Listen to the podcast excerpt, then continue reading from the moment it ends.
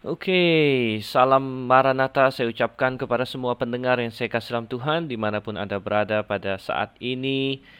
Masih bersama dengan Mutiara Kebenaran, yaitu acara kesayangan kita. Membahas Alkitab bersama selama kurang lebih satu jam, kurang lebih saya katakan, mungkin 40 menit sampai 60 menit. Dan kita membahas biasanya satu pasal firman Tuhan. Anda masih bersama dengan saya, Dr. Steven Einstein Liao. Bagaimana kabar Anda semua? Saya harap dan saya doakan Anda semua dalam kondisi baik.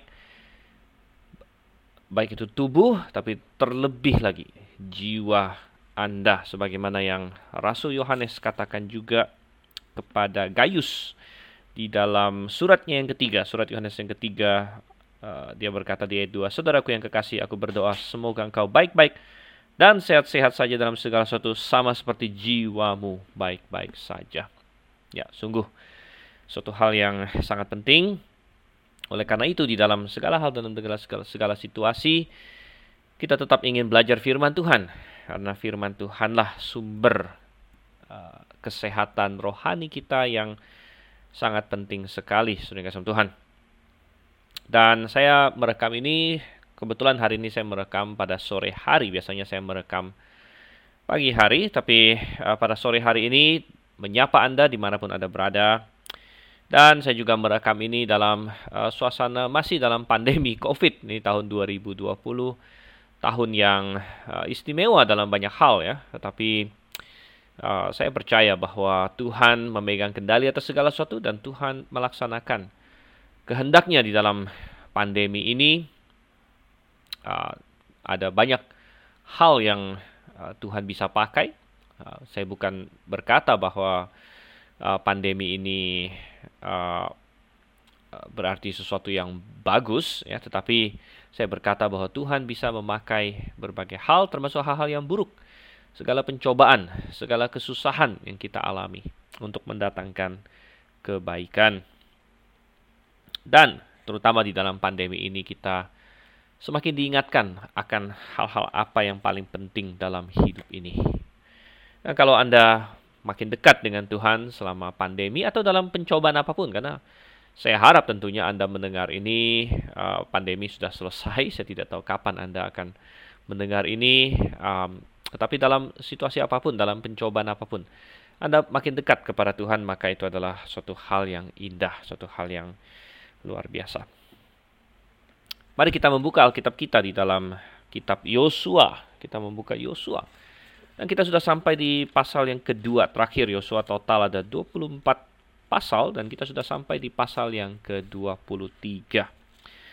Dan ya, walaupun hanya 16 pasal namun kita akan eh, membahas pasal ini di dalam sesi kita yang kali ini dengan judul perikop di sini pidato perpisahan Yosua kepada para pemimpin bangsa itu. Pasal 23 dengan pasal 24 sebenarnya ada kemiripan ya. Karena sama-sama adalah semacam pidato perpisahan. Um, tetapi sepertinya yang di pasal 23 ini adalah uh, kata-kata uh, yang disampaikan Yosua dalam setting yang lebih pribadi. Ya, ada indikasi bahwa dia mungkin uh, berbicara kepada sekumpulan pemimpin-pemimpin bangsa. Sedangkan di dalam pasal 24 uh, sepertinya dia berbicara kepada kalayak yang lebih ramai di situ di mana mungkin mayoritas orang Israel atau atau suatu kumpulan yang ramai dari orang Israel hadir walaupun mungkin bukan semuanya juga. Oke, hari ini kita akan membahas pasal 23 dan uh, mirip dengan pasal 24 tapi ada penekanan-penekanan yang uh, berbeda oleh karena itu kita akan menikmati firman Tuhan baik pasal 23 dan untuk sesi berikutnya nanti pasal 24. Sebelum kita masuk lebih lanjut lagi, mari kita bersatu dalam doa. Bapak di surga, kami mengucap syukur Tuhan untuk kasih setiamu, sungguh indah penyertaanmu bagi kami. Tuhan kami saat ini ingin belajar dari firman-Mu, kami ingin belajar dari kitab Yosua, terutama pasal 23, tolonglah kami. Tolong kami supaya kami bisa mengerti kehendakmu, kami bisa makin mengenal engkau dan terutama Firman-Mu mendorong kami untuk melakukan kehendak-Mu yang baik dalam hidup kami ini. Terima kasih Tuhan, kami berdoa dalam nama Yesus Kristus. Amin.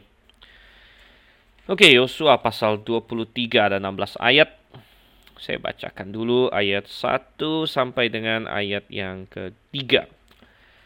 Lama setelah Tuhan mengaruniakan keamanan kepada orang Israel ke segala penjuru terhadap sebuah musuhnya dan ketika Yosua telah tua dan lanjut umur, Dipanggilnya seluruh orang Israel, para tua-tuanya, para kepalanya, para hakimnya, dan para pengatur pasukannya, dan berkata kepada mereka, Aku telah tua dan sangat lanjut umur. Dan kamu ini telah melihat segala yang dilakukan Tuhan Allahmu kepada semua bangsa di sini demi kamu. Sebab Tuhan Allahmu dialah yang telah berperang bagi kamu. Saya lanjutkan ayat 4.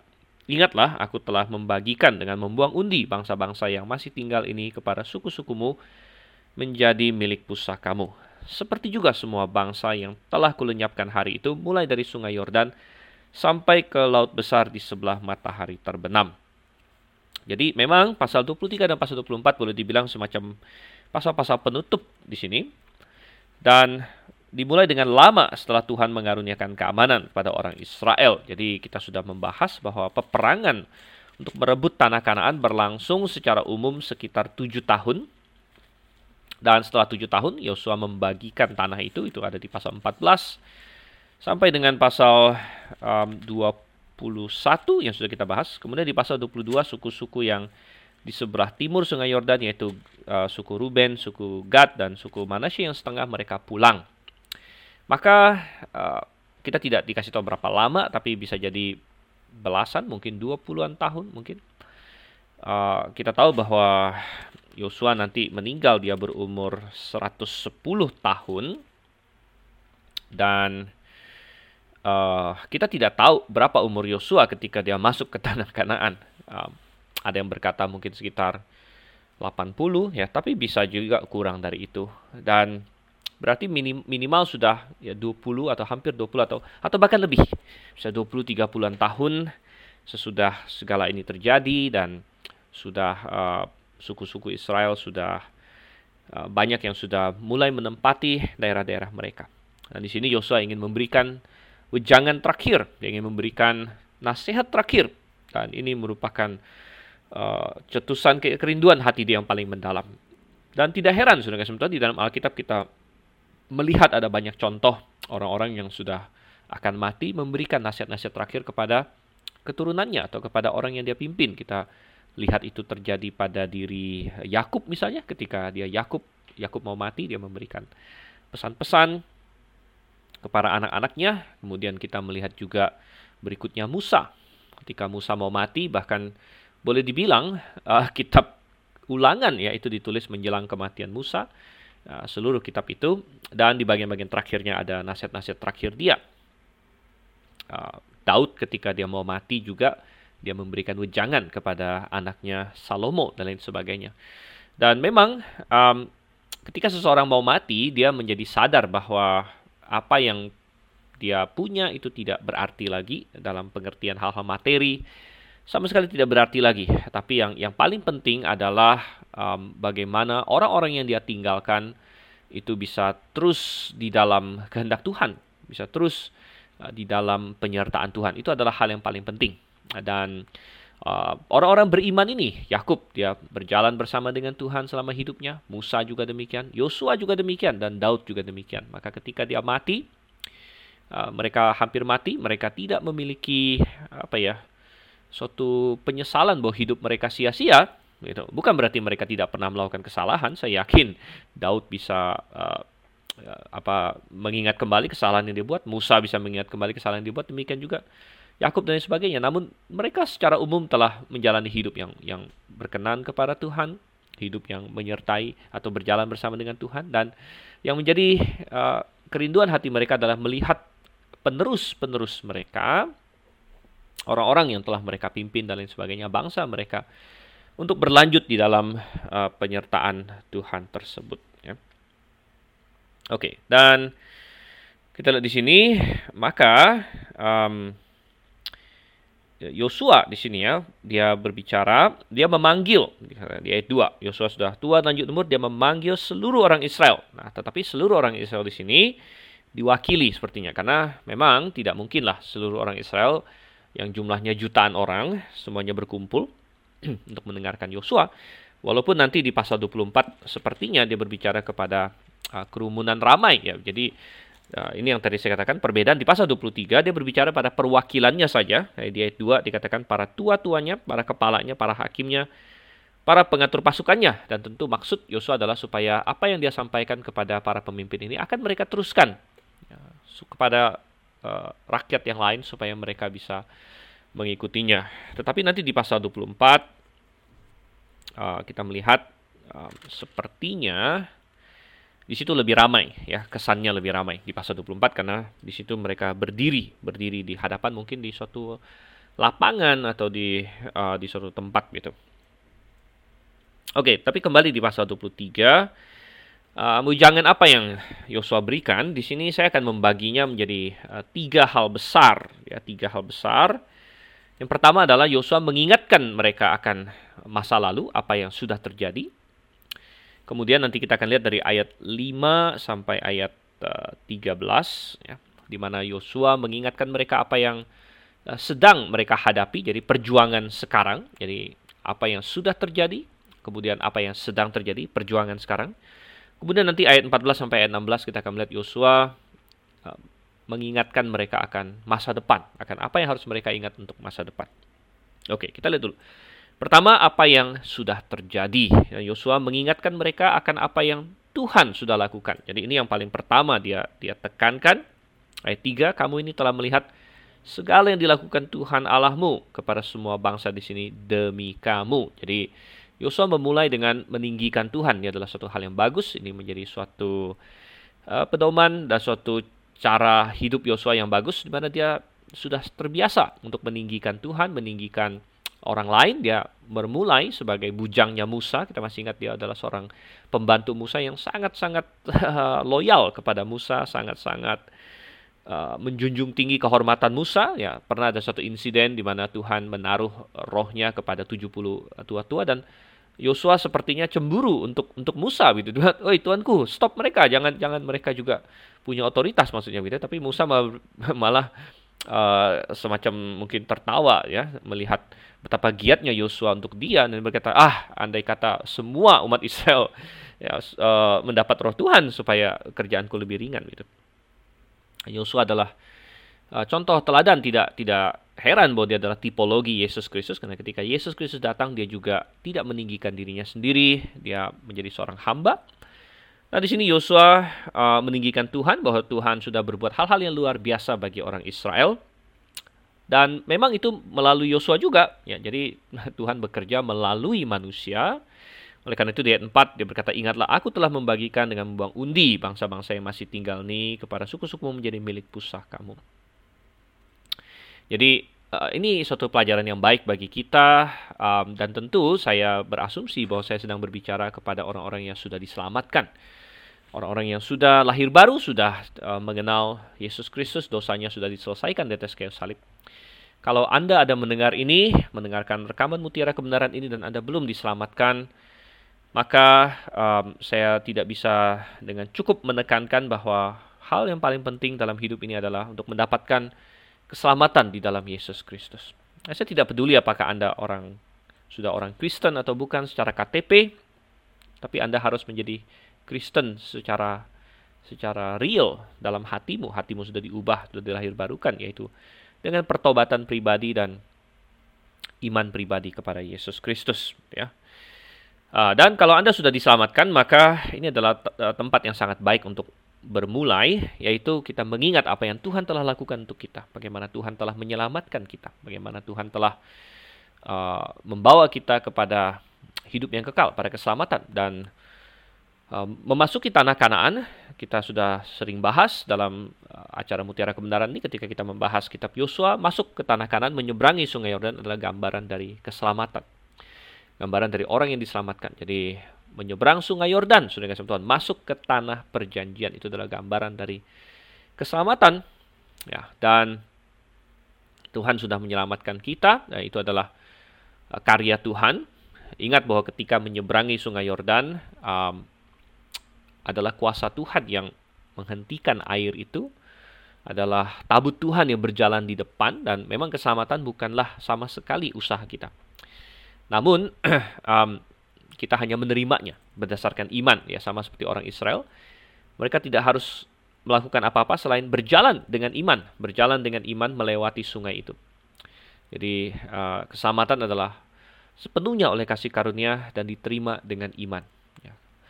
Demikian dikatakan di Efesus 2 ayat 8, 9 dan 10 ya. Ayat 8 dikatakan um, oleh karena kasih karunia kamu diselamatkan oleh iman katanya situ ya.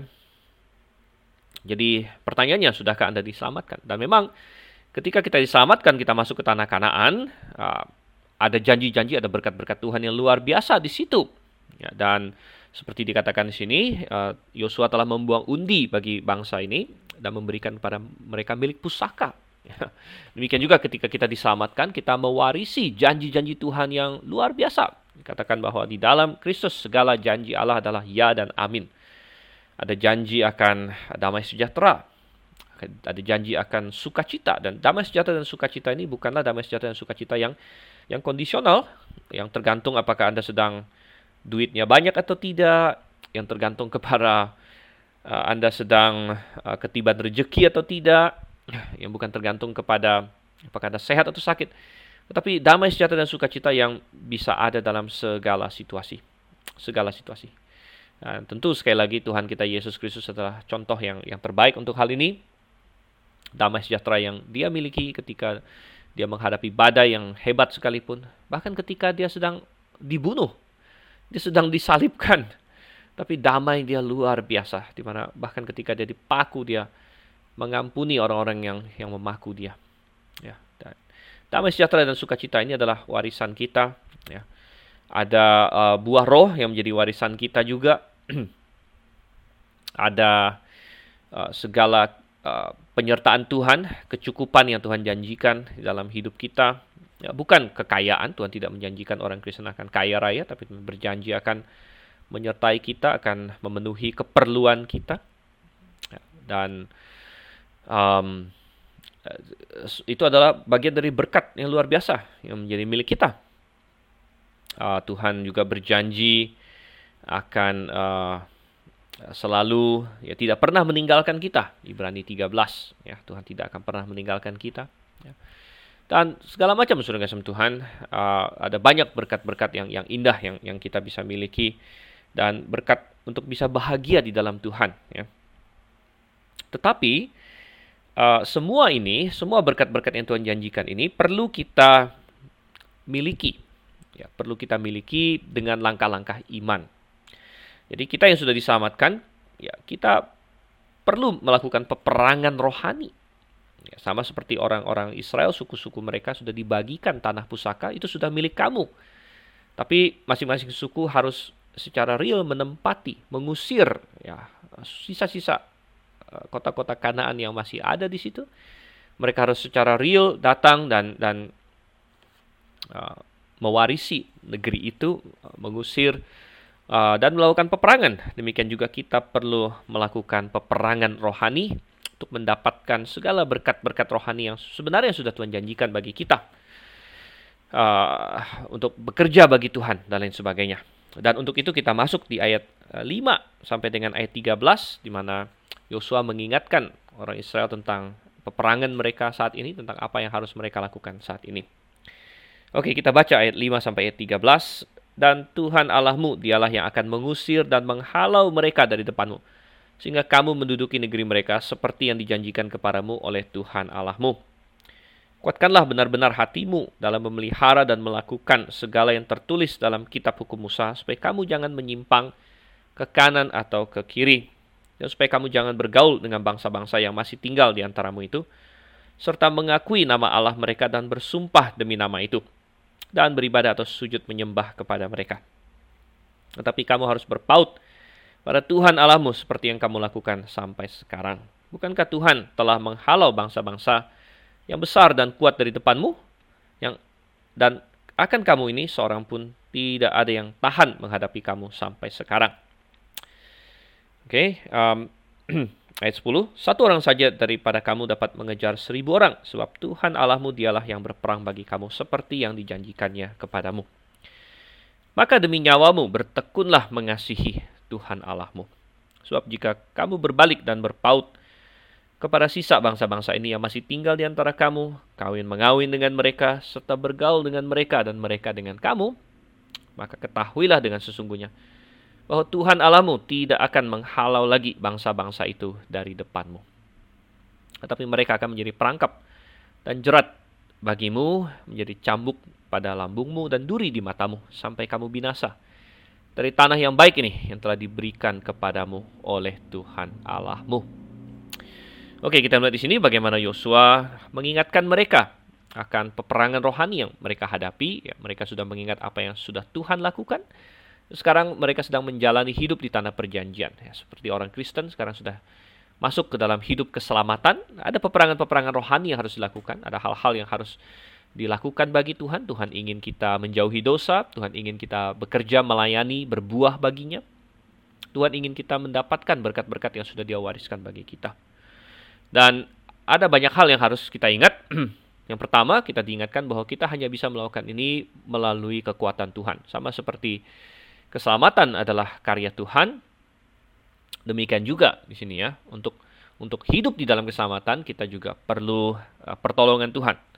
Tapi puji syukur kepada Tuhan, Tuhan selalu siap untuk menolong kita. Demikianlah di ayat 5 dikatakan, Yosua menegaskan Tuhan Allahmu dialah yang akan mengusir dan menghalau mereka dari hadapanmu. Kalau kita disuruh untuk melakukan apa pun dengan kekuatan diri kita sendiri, tentunya kita akan gagal. Tapi puji syukur Tuhan tidak pernah meninggalkan kita sendirian bahkan dalam hidup kekristenan kita pun. Oleh sebab itu orang percaya apalagi di zaman perjanjian baru kita lebih lebih diberkati lagi daripada mereka di perjanjian lama karena di perjanjian baru kita sudah memiliki karunia Roh Kudus. Roh Kudus turun masuk memeteraikan hati setiap orang yang percaya dan kita memiliki Roh Kudus dalam hati kita yang terus-menerus uh, memperbaharui kita dan menarik kita kepada kebenaran firman Tuhan, menerangi hati kita ketika kita belajar firman-Nya seperti yang sedang kita lakukan saat ini dan oleh karena itu kita punya kekuatan. Oleh karena itu ada buah roh, ada buah roh yang adalah kasih, ya, sukacita, damai sejahtera dan seterusnya. Dan kita memiliki uh, kekuatan untuk bisa bisa menang, bisa mengusir dosa misalnya. Ya, dialah yang akan mengusir dan menghalau mereka dari depanmu seperti orang Israel harus menghalau suku-suku kanan, suku-suku yang jahat itu. Demikian juga kita harus menghalau segala hal yang jahat di mata Tuhan dari hidup kita, segala dosa yang yang sudah menjadi kebiasaan kita sebelum kita diselamatkan atau dosa yang akan menggoda kita selanjutnya. Ya, semua itu harus kita hilangkan, harus kita hapuskan dari dari hidup keselamatan kita, gitu ya. Bukan supaya kita diselamatkan, tapi ya, karena kita mengasihi Tuhan dan sebagai sebagai bukti dari keselamatan kita. Oke, dan uh, tentu Tuhan di sini ya sangat uh, merupakan intinya atau merupakan uh, uh, pihak yang yang harus ada dan memang Tuhan beserta dengan kita tetapi perhatikan bahwa juga tentu ada tanggung jawab manusia di sini ya. Ada beberapa hal yang harus diingat orang Israel dan menjadi pelajaran bagi kita sebagai orang percaya. Ayat yang keenam, kuatkanlah benar-benar hatimu dalam memelihara dan melakukan segala yang tertulis dalam kitab hukum Musa. Pertama adalah betapa kita harus meninggikan firman Allah di dalam hidup kita. Jadi pada zaman Yosua waktu itu baru ada kitab Taurat Musa. Tetapi kitab Taurat Musa ini sangat penting bagi mereka. Jadi suksesnya mereka di tanah perjanjian ini adalah kalau mereka memelihara, memelihara dan melakukan apa yang ada di dalam Alkitab. Alkitab mereka waktu itu baru lima kitab, bahkan kitab Yosua pun belum ada, masih masih dalam proses penulisan mungkin. Nah kita hari ini sudah punya firman Tuhan yang jauh lebih lengkap, suatu suatu berkat yang luar biasa. Namun tetap sama prinsipnya kita harus memiliki firman Tuhan dalam hidup kita. Oleh karena itu sangat penting bagi setiap orang yang sudah percaya Tuhan untuk untuk berada dalam firman Tuhan, untuk rutin merenungkan firman Tuhan, untuk rutin membaca, merenungkan dan merenungkan untuk apa? Untuk melakukan, Saudara kasih Tuhan. Oleh karena itu setiap orang yang sudah percaya kepada Yesus Kristus, saya bertanya kepada Anda, adakah Anda merenungkan firman Tuhan setiap hari? Ya. Kalau Anda mendengarkan acara Mutiara Kebenaran, saya uh, berasumsi Anda orang yang rindu belajar firman Tuhan itu bagus. Tapi saya sangat menyayangkan bahwa ada begitu banyak orang Kristen yang tidak tidak ingin uh, belajar firman Tuhan. Ya, dalam keseharian mereka malas membaca firman Tuhan. Dan ya kalau Anda yang mendengar ini, Nah, saya asumsikan Anda, Anda pendengar mutiara kebenaran, Anda orang yang termasuk yang rajin mau belajar firman Tuhan. Tapi uh, nasihatilah ya. Makanya saya selalu berkata, ayo sebarkan mutiara kebenaran ini kepada sebanyak mungkin orang. Bukan karena uh, saya ingin mendapatkan pengikut atau apa sudah Tuhan. Tidak ya, mutiara kebenaran ini bukan untuk mendapat pengikut. Tapi supaya Anda uh, Anda bisa ikut menyebarkan pengetahuan akan Tuhan dan cinta akan firman Tuhan kepada sebanyak mungkin orang. Ya, mungkin tuh uh, keluarga Anda, ya, bagaimana memotivasi mereka untuk belajar firman Tuhan, untuk ada dalam firman Tuhan. Ya, mungkin itu anak-anak Anda, mungkin itu orang-orang yang Anda kasihi. Jadi bagaimana mereka bisa bertumbuh kalau mereka tidak ada dalam firman Tuhan? Itu tidak bisa, itu mustahil. Karena itu sangat penting hal ini dan uh, cara kita bisa mendewasakan orang atau menarik orang kepada kebenaran. Mungkin Anda ada orang yang Anda bergumul, oh Tuhan, kiranya dia makin kenal kebenaran. Bagaimana caranya? Ya, hmm, ajak dia baca firman Tuhan, belajar firman Tuhan dan lain sebagainya. Dan untuk melakukan firman Tuhan ini, kita harus menguatkan benar-benar hati kita di enam ya. Kuatkanlah benar-benar hatimu dalam memelihara melakukan segala yang tertulis. Karena kenapa dikatakan demikian? Untuk melakukan firman Tuhan secara konsisten, itu bukanlah sesuatu yang uh, gampang-gampangan. Tetapi kita memang harus bertekad, ya, bertekad karena tidak mudah. Daging kita memberontak, ya. Uh, daging kita memberontak untuk menghilangkan dosa yang ada di dalam diri kita. Uh, mungkin kita harus melepaskan banyak hal yang tadinya kita anggap enak dan seru, ya. Hal-hal yang membuat kita ketagihan, segala macam hal-hal buruk yang tadinya dalam hidup kita Mungkin ada yang tadinya merokok, membuang rokoknya.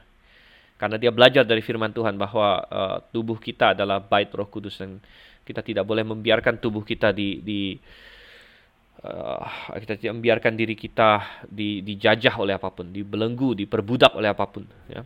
Ada yang tadinya peminum, peminum peminum alkohol, ya, mabuk bir dan semacam.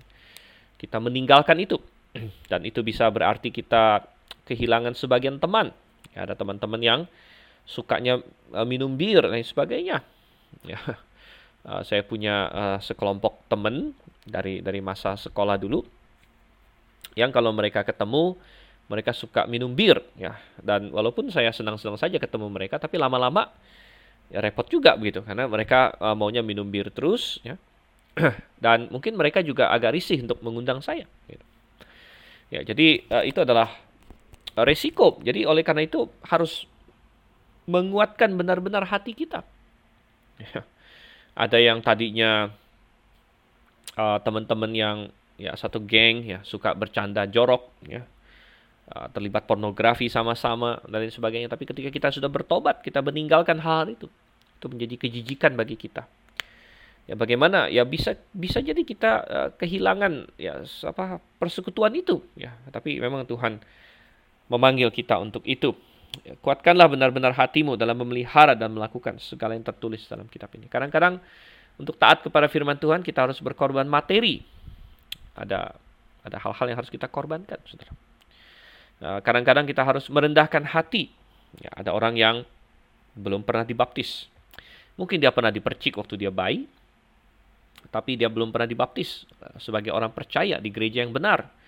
Dan dia tahu ada ada misalnya gereja Grafe ya Grafe GBIA mengajarkan kebenaran. Ah, dan tapi ya untuk mau memberi diri dibaptis lagi wah itu sepertinya dia malu. Ya, dia malu dia dia segan ya dia menganggap ah ngapain saya memberi diri dibaptis lagi? Dan harganya di situ adalah mungkin harga diri saudara ya jadi berbagai hal di sini kuatkanlah benar-benar hatimu dalam memelihara dan melakukan segala yang tertulis dalam kitab Musa ini supaya kamu jangan menyimpang ke kanan atau ke kiri. Jangan menyimpang ke kanan atau ke kiri. Jadi biasanya kesesatan itu pasti ada ada simpang kanan atau simpang kiri gitu dari jalan yang lurus itu. Dari jalan yang lurus ya. Um, dalam segala hal misalnya ya. Dalam hal uh, berbuat dosa misalnya. Uh, atau ya bukan berbuat dosa ya berbuat dosa sudah pasti nggak boleh. Misalnya dalam hal um, uh, macam-macam. Misalnya dalam hal uh, misalnya contoh dalam Alkitab ya. Misalnya dalam hal makanan ya. Dalam hal makanan uh, sebenarnya kita boleh makan apa saja. Boleh makan apa saja, itu adalah kebenaran Alkitab. Ya. Tapi kita tidak harus makan apa pun, karena makanan tidak tidak menyelamatkan. Ya. Jadi jangan sampai kita jatuh ke kanan atau ke kiri, jatuh ke kanan misalnya kita memaksa orang, memaksa orang makan ini, makan itu, ya. menjadikan makanan semacam alat tes tes iman, ya tidak. Makanan bukan tes iman. Tapi juga jangan jatuh ke sebelah kiri di mana um, akhirnya kita melarang orang makan makanan tertentu dan sebagainya karena kita merasa itu masih haram itu itu juga salah sudah kasih Tuhan. Jadi eh, dalam segala isu ada jalan yang lurus ya dan ada kesesatan kanan kesesatan kiri. Dan ini benar untuk untuk masalah tritunggal doktrinal masalah doktrinal misalnya tritunggal tritunggal bisa salah ke kanan salah ke kiri salah ke kanan di mana eh, Allah dianggap satu tapi tidak atau terlalu menekankan kesatuan sehingga menghilangkan perbedaan kepribadian tiga pribadi Allah. Atau kesalahan yang satunya lagi, di mana um, terlalu menekankan perbedaan sehingga uh, menghilangkan kesatuan Allah. Dan biasanya itu subordinationism, di mana uh, Allah Bapa dianggap lebih tinggi dari dari Yesus Kristus bahkan menciptakan Yesus Kristus dan sebagainya itu juga salah gitu ya. Dalam hal misalnya apalagi ya um, uh, pemahaman tentang seks misalnya. Seks ini kan topik yang hangat di dunia ini. Orang Kristen bisa jatuh kepada kedua kesalahan. Yang satu uh, jatuh kepada kesalahan seperti dunia mengecilkan arti arti seks hubungan seksual arti persetubuhan keintiman sehingga menganggapnya uh, seperti transaksi biasa akhirnya jatuh pada free sex dan sebagainya atau jatuh kepada kesalahan yang di sisi satu lagi menganggap seks sebagai suatu hal yang kotor, yang tabu, yang yang tidak boleh dibicarakan. Ya dua-duanya salah. Ya. Sebenarnya uh, seks adalah uh, sesuatu yang indah di dalam desain Tuhan, yaitu di dalam pernikahan. Gitu kan? Saya ada banyak melakukan konseling pernikahan dan um, kita banyak meluruskan kesalahpahaman ini kepada orang-orang yang mau menikah misalnya. Jadi uh, selalu ya jangan menyimpang ke kanan atau ke kiri Ya, jadi uh, mepet kanan terus juga belum tentu benar, mepet kiri terus juga belum tentu benar. Kita harus temukan kebenaran Tuhan dan kita stay, ya, kita tetap pada jalan lurusnya Tuhan. Gitu. Lanjut lagi di sini ayat 7. Jadi tadi prinsip pertama adalah firman Tuhan, ya betapa pentingnya firman Tuhan di dalam hidup kita. Nah, prinsip yang kedua adalah separasi separasi. Makanya di ayat 7 dikatakan supaya kamu jangan bergaul dengan bangsa-bangsa yang masih tinggal di antaramu itu serta mengakui nama Allah mereka dan bersumpah demi nama itu dan beribadah atau sujud menyembah kepada mereka. Satu hal yang sangat Yosua takutkan adalah bahwa orang Israel akan gagal mengusir bangsa-bangsa ini, kemudian diam bersama mereka dan kemudian bergaul dengan mereka, kawin mengawin dengan mereka dan akhirnya eh, terbawa-bawa kepada segala kesesatan mereka. Dan sejarah membuktikan, Alkitab membuktikan bahwa apa yang ditakutkan ini benar terjadi gitu. Benar terjadi. Kita baca di kitab hakim-hakim dan seterusnya. Mana orang Israel gagal uh, untuk melakukan tugas mereka, untuk mengusir orang-orang ini. Dan akhirnya mereka terpengaruh. Akhirnya mereka uh, mengikuti kesalahan-kesalahan mereka. Ya, tetapi sebenarnya Tuhan ingin supaya bangsa Israel menjadi bangsa yang spesial, bangsa yang terpisah, ya terseparasi, bangsa yang kudus bagi Tuhan. Ya, kata kudus itu pengertian utamanya adalah terpisah, terpisah bagi Tuhan sebenarnya. Dan Tuhan juga menginginkan hal yang sama bagi kita. Di dalam perjanjian baru 1 Petrus 1 Petrus ya, 1 ayatnya yang ke-16. Kuduslah kamu sebab aku kudus katanya. Kita dipanggil pada kekudusan dan ingat kekudusan itu pengertian utamanya adalah terpisah ya, terpisah dari dosa, terpisah bagi Tuhan. Tuhan ingin orang Kristen melakukan separasi dirinya dengan dunia. Oleh karena itu dalam Roma 12 ayat 2, Roma 12 ayat 2 Tuhan berkata, "Janganlah kamu menjadi serupa dengan dunia ini, tapi berubahlah oleh pembaharuan budimu sehingga kamu dapat membedakan manakah kehendak Allah, apa yang baik, yang berkenan kepada Allah dan yang sempurna." Kita tidak boleh menjadi serupa dengan dunia ini. Di dalam 2 Korintus pasal 6 ya sangat jelas juga 2 Korintus pasal 6 um, dikatakan di sini uh, ayat yang ini ya uh, sangat terkenal. Misalnya dikatakan oh salah saya baca 1 Korintus tadi. 2 Korintus 2 Korintus salah buka. 2 Korintus pasal 6 um, mulai dari ayat misalnya ayat 14 janganlah kamu merupakan pasangan yang tidak seimbang dengan orang-orang yang tak percaya dan so persamaan apa yang terdapat antara kebenaran dan kedurhakaan atau bagaimana terang dapat bersatu dengan gelap ya dan kita lihat ayat 17, sebab itu keluarlah kamu dari antara mereka dan pisahkanlah dirimu dari mereka firman Tuhan. Dan janganlah menjamah apa yang najis.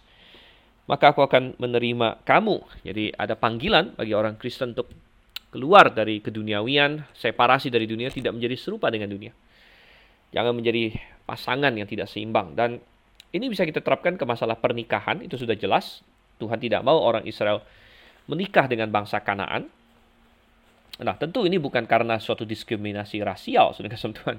Karena ternyata kalau kita baca di Matius misalnya dalam daftar silsilah Tuhan Yesus, ada banyak ya eh, perempuan-perempuan yang berasal dari suku luar Yehuda. Contohnya Tamar yang Tuhan pilih menjadi nenek moyang Mesias. Kemudian um, Tamar, kemudian Rahab ya, seorang Kanaan. Loh, mungkin kita berkata, bukankah Tuhan melarang uh, menikah dengan bangsa-bangsa? Tentu dalam pengertian Eh, kalau mereka tidak mau berbalik menjadi orang Israel atau menjadi uh, umat Tuhan begitu ya. Uh, tapi kalau di antara mereka ada yang bertobat ya seperti Ruth juga contohnya Ruth tadinya seorang perempuan Moab, Rahab seorang uh, orang Yeriko dan lain sebagainya. Tamar adalah orang Kanaan. Tapi mereka ini adalah orang-orang yang perempuan-perempuan yang kemudian percaya kepada Tuhan, percaya kepada Jehovah dan masuk ke dalam Israel sehingga oke okay, nggak masalah di situ.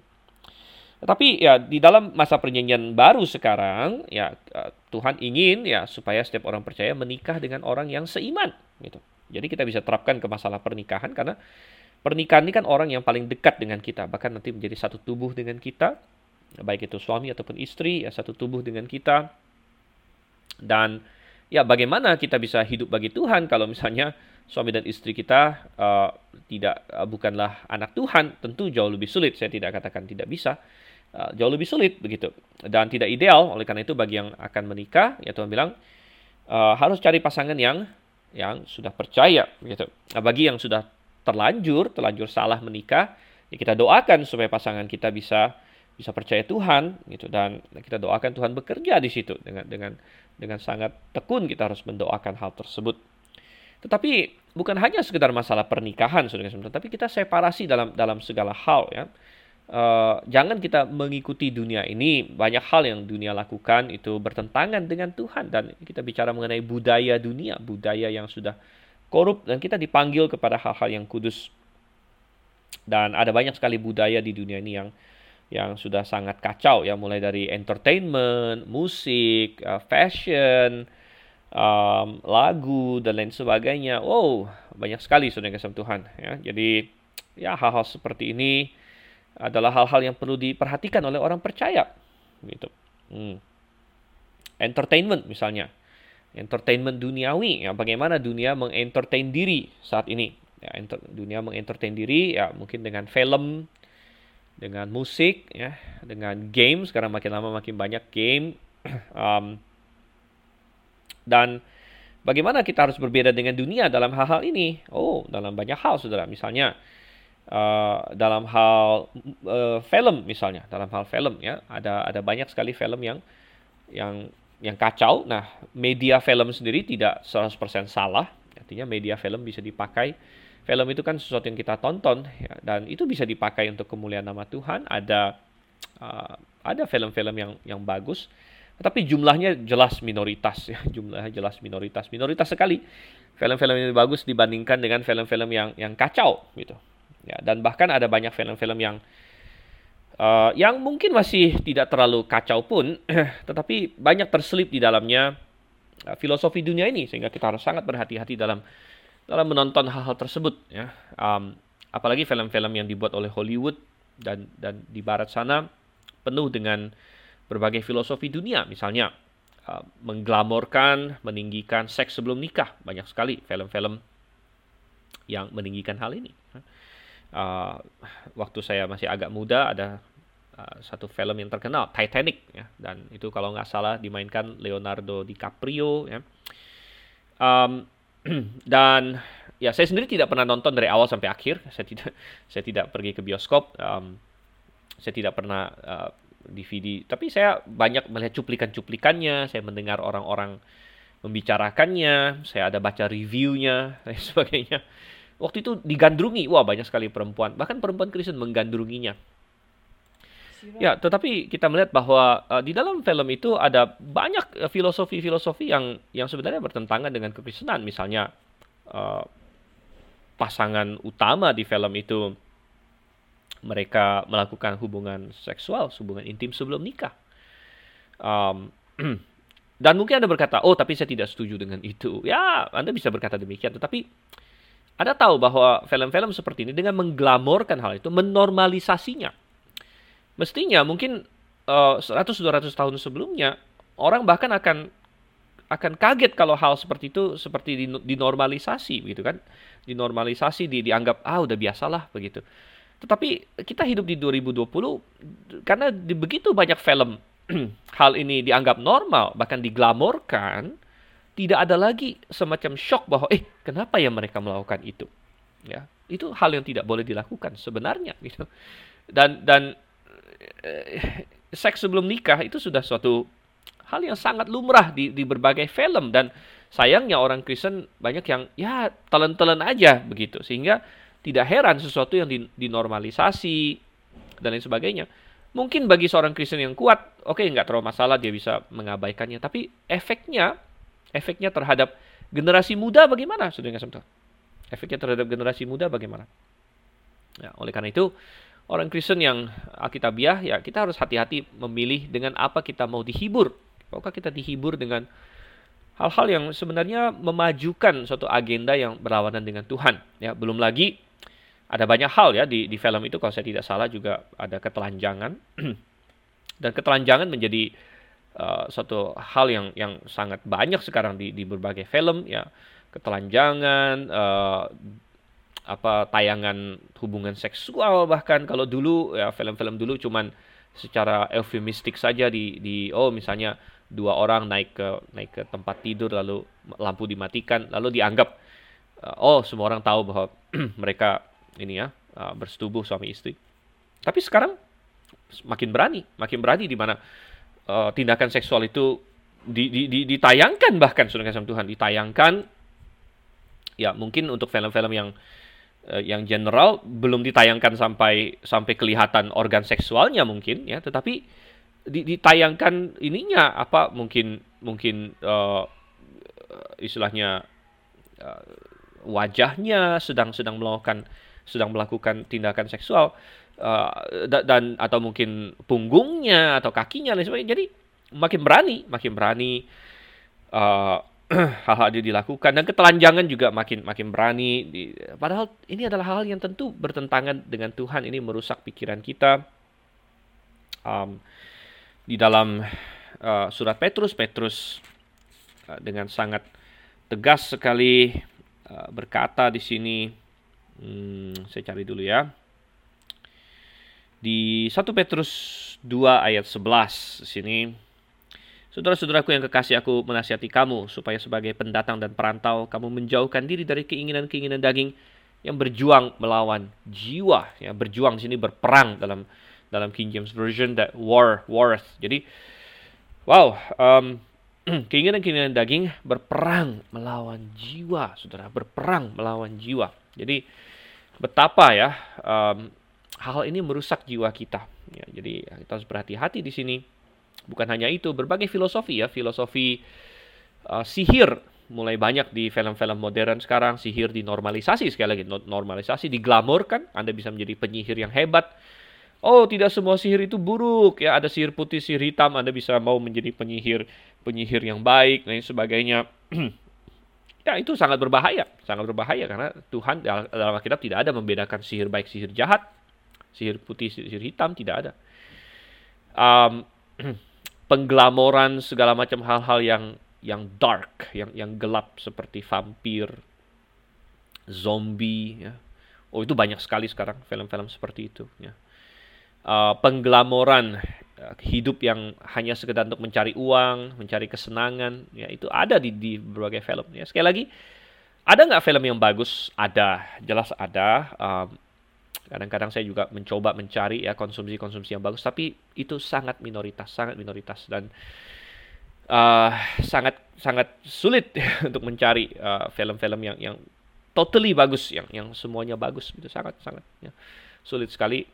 Oleh karena itu kita perlu untuk ya sangat selektif ya. ya. Ingat kita tidak boleh menjadi serupa dengan dunia ini. Kita membiarkan diri kita dihibur oleh hal-hal yang ujung-ujungnya sebenarnya sebenarnya Tuhan sedih. Intinya begini, apakah kalau kita sedang nonton sesuatu, Anda bayangkan Anda nonton dengan Tuhan Yesus di samping Anda. Anda menonton sesuatu yang porno, akankah Tuhan Yesus menikmatinya bersama dengan Anda? Anda menikmatinya, Apakah Tuhan Yesus menikmatinya bersama Anda? Maukah Roh Kudus yang tinggal dalam Anda, Anda Anda ikut sertakan dalam aktivitas itu? Ya, itu suatu pertanyaan yang sangat baik. Um, anda sedang duduk, Anda anda Anda ketahuilah bahwa Tuhan beserta dengan Anda dan kalau Tuhan Yesus di samping Anda, misalnya Anda menonton suatu film lalu film itu memakai nama Tuhan dengan sembarangan, dia memakai nama Yesus Kristus sebagai sumpah serapah, memaki-maki dengan nama Yesus. Kira-kira Tuhan Yesus senang atau tidak begitu? Nah, ini yang harus kita perhatikan, saudara. Oke, uh, apalagi yang menjadi uh, hiburan kita? Uh, musik, ya musik dunia musik. Tapi kebanyakan musik sekali lagi ada musik yang bagus-bagus, musik yang rohani. Tapi kebanyakan musik di dunia ini adalah musik yang uh, terimbas oleh rock and roll dengan backbeatnya, ya, yang yang memainkan pesan apa? Pesan pemberontakan, pesan sensualitas. Ya.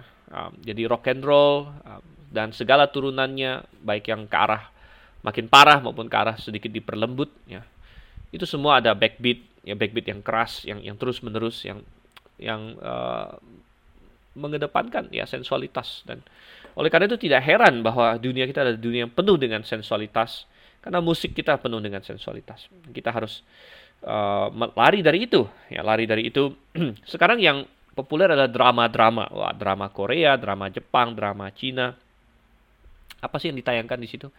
Yang ditayangkan di situ adalah uh, cinta biasanya cinta, tapi cinta menurut dunia.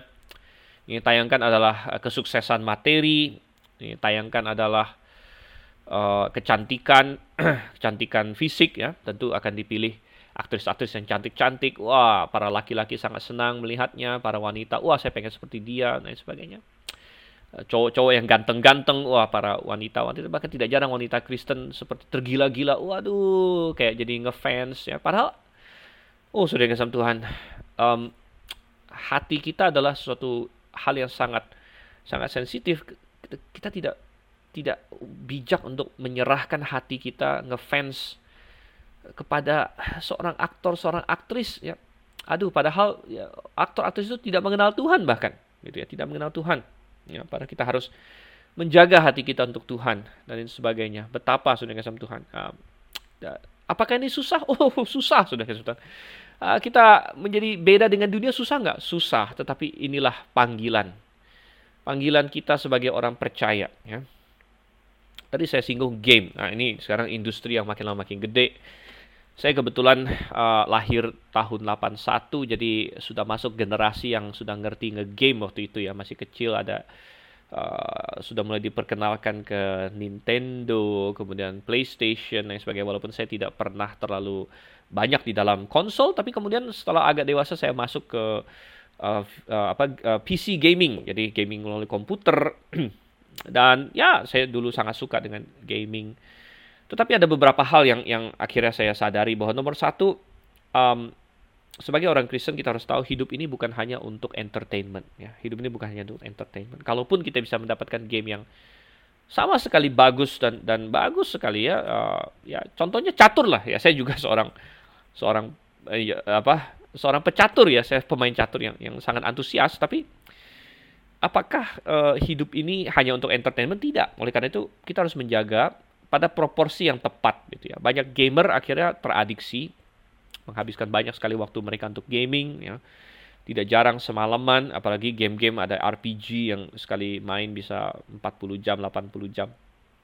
Belum lagi sekarang online sudah Tuhan. Wow, ya jadi online ini lebih parah lagi ya karena um, Anda harus keep up, Anda harus terus-terusan ya RPG sana RPG sini ya, dan ada ikut-ikut guild, ikut rombongan lain sebagainya. Kalau nggak ada ketinggalan. Jadi wah Anda dipaksa menghabiskan waktu. Kebanyakan game-game ini sekarang banyak yang gratis lagi. Tapi apa benar gratis? Tidak, Anda membayar harga yang mahal. Harganya apa? Waktu Anda. Waktu Anda ya. Dan itu pun kalau kita belum uh, mendalami berbagai elemen di dalam game, ada banyak game yang dengan elemen-elemen yang kembali eh, sangat-sangat uh, kita prihatin ya. Misalnya elemen-elemen ketelanjangan sekali lagi atau atau elemen-elemen yang sengaja membangkitkan hawa nafsu. Uh, tidak bukan suatu uh, bukan suatu rahasia bahwa banyak game dibuat khusus untuk menarik perhatian laki-laki. Oleh karena itu banyak tokoh-tokoh wanitanya sengaja dengan pakaian yang sangat minim gitu ya. Uh, atau sengaja untuk uh, menarik karena saya tahu karena saya saya pernah pernah uh, mengikuti game-game seperti ini.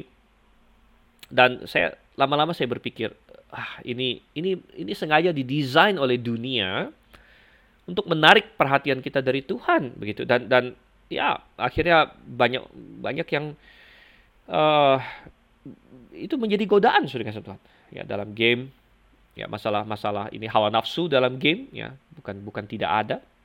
Sekarang ada banyak game juga yang melibatkan di dalamnya um, adegan-adegan seksual juga. Ya, adegan-adegan seksual. Uh, dan banyak lagi yang lain ya. Ada juga di mana game-game yang merayakan anda boleh bebas ngapain, boleh bebas jadi penjahat segala macam ya seperti GTA, Grand Theft Auto walaupun oh uh, jadi banyak banyak yang isinya memang sangat diragukan ya. Dan kalaupun ada yang netral-netral saja tapi yang harus kita perhatikan adalah uh, bagaimana kita menghabiskan waktu kita. Apakah kita hidup untuk di entertain ataukah kita hidup untuk Tuhan? Apakah kita hidup untuk dilayani ataukah kita hidup untuk melayani? Karena inti dari entertainment adalah kita mau dilayani. Saya tidak berkata bahwa orang Kristen tidak boleh ada entertainment sedikit pun begitu ya tapi apakah itu pusat hidup kita ataukah kita hidup untuk melayani Tuhan sekarang gitu. Jadi uh, sungguh kita harus separasi dari dunia di sini.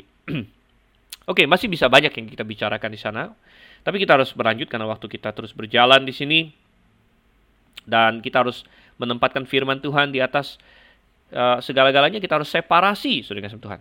Dan kuncinya apa?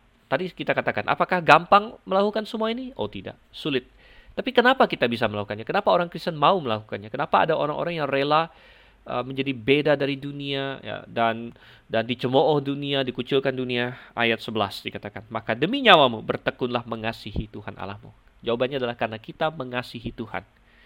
Kita mengasihi Tuhan dan um, Tuhan bilang kalau kamu mengasihi aku, kamu akan menjaga, kamu akan melakukan perintah-perintahku. Kita mengasihi Tuhan yang sudah mati bagi kita. Dia datang, dia tidak dilayani, dia melayani. Tuhan Yesus datang, dia tidak mencari penghiburan untuk dirinya sendiri. Malah dia banyak menghibur orang, dia melayani orang. Dan dia mati di sekitar salib bagi kita. Dan kita harus mengasihi dia. Dia yang telah mengasihi kita terlebih dahulu. Nah mungkin ada yang berkata, tapi gimana? Saya saya gimana mau mengasihi Tuhan? Saya seperti tidak bisa mengasihi Tuhan. Nah, ketahuilah bahwa mengasihi itu bukanlah semata-mata emosi. Banyak orang berkata, saya tidak bisa mengasihi. Maksud dia, dia tidak punya suatu emosi mungkin. Tapi mengasihi itu bukan masalah emosi. Perhatikan katakan sini. Bertekunlah mengasihi Tuhan Allah. Bertekunlah ini adalah suatu perintah kepada kehendak kita. Perintah kepada perilaku kita. Jadi kita mulai mengasihi Tuhan dengan melakukan. Lakukan sesuatu yang mengasihi Tuhan. Jadi lakukan uh, perintah-perintahnya. Lakukan itu dengan tekun, lakukan itu maka uh, perasaan kita akan bertumbuh. Perasaan kita akan bertumbuh ya sejalan dengan kita melakukan itu. Uh, ini berlaku juga untuk semua yang lain ya, suami istri, orang tua dengan anak, dan sebagainya. Ya, suami istri saya selalu ajarkan, kamu harus mengasihi, mengasihi ya. Uh, suami kasihlah istrimu. Ya, tapi oh ada yang berkata, oh istri saya kacau balau, bagaimana saya perasaan saya sudah hilang, sudah tawar. Eh, kasih itu bukan hanya masalah perasaan. Ya, kasih itu lakukan dulu, tindakan. Anda lakukan tindakan, lakukan tindakan kasih, lakukan tindakan kasih, perasaan akan menyusul. Perasaan akan menyusul. Bahkan kalau perasaan sampai akhirnya tidak sampai wah yang di di film-film romansa, tapi itu kan film sudah nggak Tuhan. Film nggak bisa jadi patokan ya, tapi penting kita melakukan kasih. Oke, okay, um, dan Tuhan berkata, coba kita lanjutkan ya ayat 14 sekarang ayat 14 sampai ayat 16. Sekarang uh, Yosua mengingatkan akan masa depan. Maka sekarang sebentar lagi aku akan menempuh jalan segala yang fana. Sebab itu insaflah dengan segenap hatimu dan segenap jiwamu bahwa satu pun dari segala yang baik yang telah dijanjikan kepadamu oleh Tuhan Allahmu tidak ada yang tidak dipenuhi. Semuanya telah digenapi bagimu. Tidak ada satu pun yang tidak dipenuhi. Tetapi seperti telah datang atas kamu segala yang baik yang telah dijanjikan kepadamu oleh Tuhan Allahmu, demikianlah Tuhan akan mendatangkan atas kamu segala yang tidak baik sampai ia telah memusnahkan kamu dari tanah yang baik ini yang diberikan kepadamu oleh Tuhan Allahmu. Apabila kamu melangkahi perjanjian yang telah diperintahkan kepadamu oleh Tuhan Allahmu dan pergi beribadah kepada Allah lain dan sujud menyembah pada mereka, maka murka Tuhan akan bangkit terhadap kamu sehingga kamu segera binasa dari negeri yang baik yang telah diberikannya kepadamu. Yosua mengingatkan bahwa Tuhan itu setia. Tuhan setia dan dia akan dia telah setia menepati segala janjinya, tetapi seperti dia setia melakukan segala yang baik kepada mereka, demikian juga uh, segala hukuman yang telah Tuhan janjikan akan menimpa mereka kalau mereka meninggalkan Tuhan. Dan ya, um, ini bisa kita terapkan bagi kita hari ini, di mana uh, Tuhan begitu baik sama kita, Ya, Tuhan bilang kepada kita nomor satu bagi setiap orang Kristen kita harus sadar bahwa kita jangan jangan murtad ya, jangan kita meninggalkan Tuhan, kita kita melepaskan kepercayaan kita kepada Yesus Kristus karena uh, ya uh, firman Tuhan berkata bahwa orangku yang benar akan hidup oleh iman Ibrani pasal 10. Tapi kalau ia mundur, aku tidak berkenan kepadanya. Tetapi kita diingatkan juga bahwa bukan hanya kita tidak boleh murtad, tapi suatu hari Tuhan akan uh, mengecek semua yang kita lakukan ya, dalam tahta pengadilan Kristus dan pada saat itu kita akan menerima hadiah kita. Ya, mungkin uh, kita akan menerima kehilangan hadiah ya, karena apa yang kita lakukan terbakar atau kita akan menerima pujian dari Tuhan kita. Nah, itu yang harus kita perhatikan. Itu yang memberi kita kekuatan kita hidup hari ini karena kita hidup sambil memandang jauh ke depan uh, kepada penyertaan Tuhan dan kepada suatu hari nanti perkenanan Tuhan. Oke, suatu pidato yang sangat indah dari Yosua dan uh, masih akan dilanjutkan lagi di pasal 24, tapi kita akan lanjutkan itu di sesi selanjutnya. Baiklah ini menjadi pengingat dan renungan bagi kita sekalian. Mari kita bersatu dalam doa. Terima kasih Tuhan untuk kasih pada kami dan Engkau yang telah menyertai kami, Engkau yang kiranya Tolong supaya kami bukan hanya memahami firman-Mu tapi mendapatkan kekuatan untuk melakukannya. Tolong kami Tuhan, kami tahu adalah Sulit untuk berperang melawan daging, berperang melawan dunia, namun dengan kekuatanmu kami dapat melakukannya. Pimpin segenap pendengarmu ini Tuhan. Kami berdoa dalam nama Yesus Kristus. Amin. Oke, sampai berjumpa di sesi yang akan datang. Maranatha.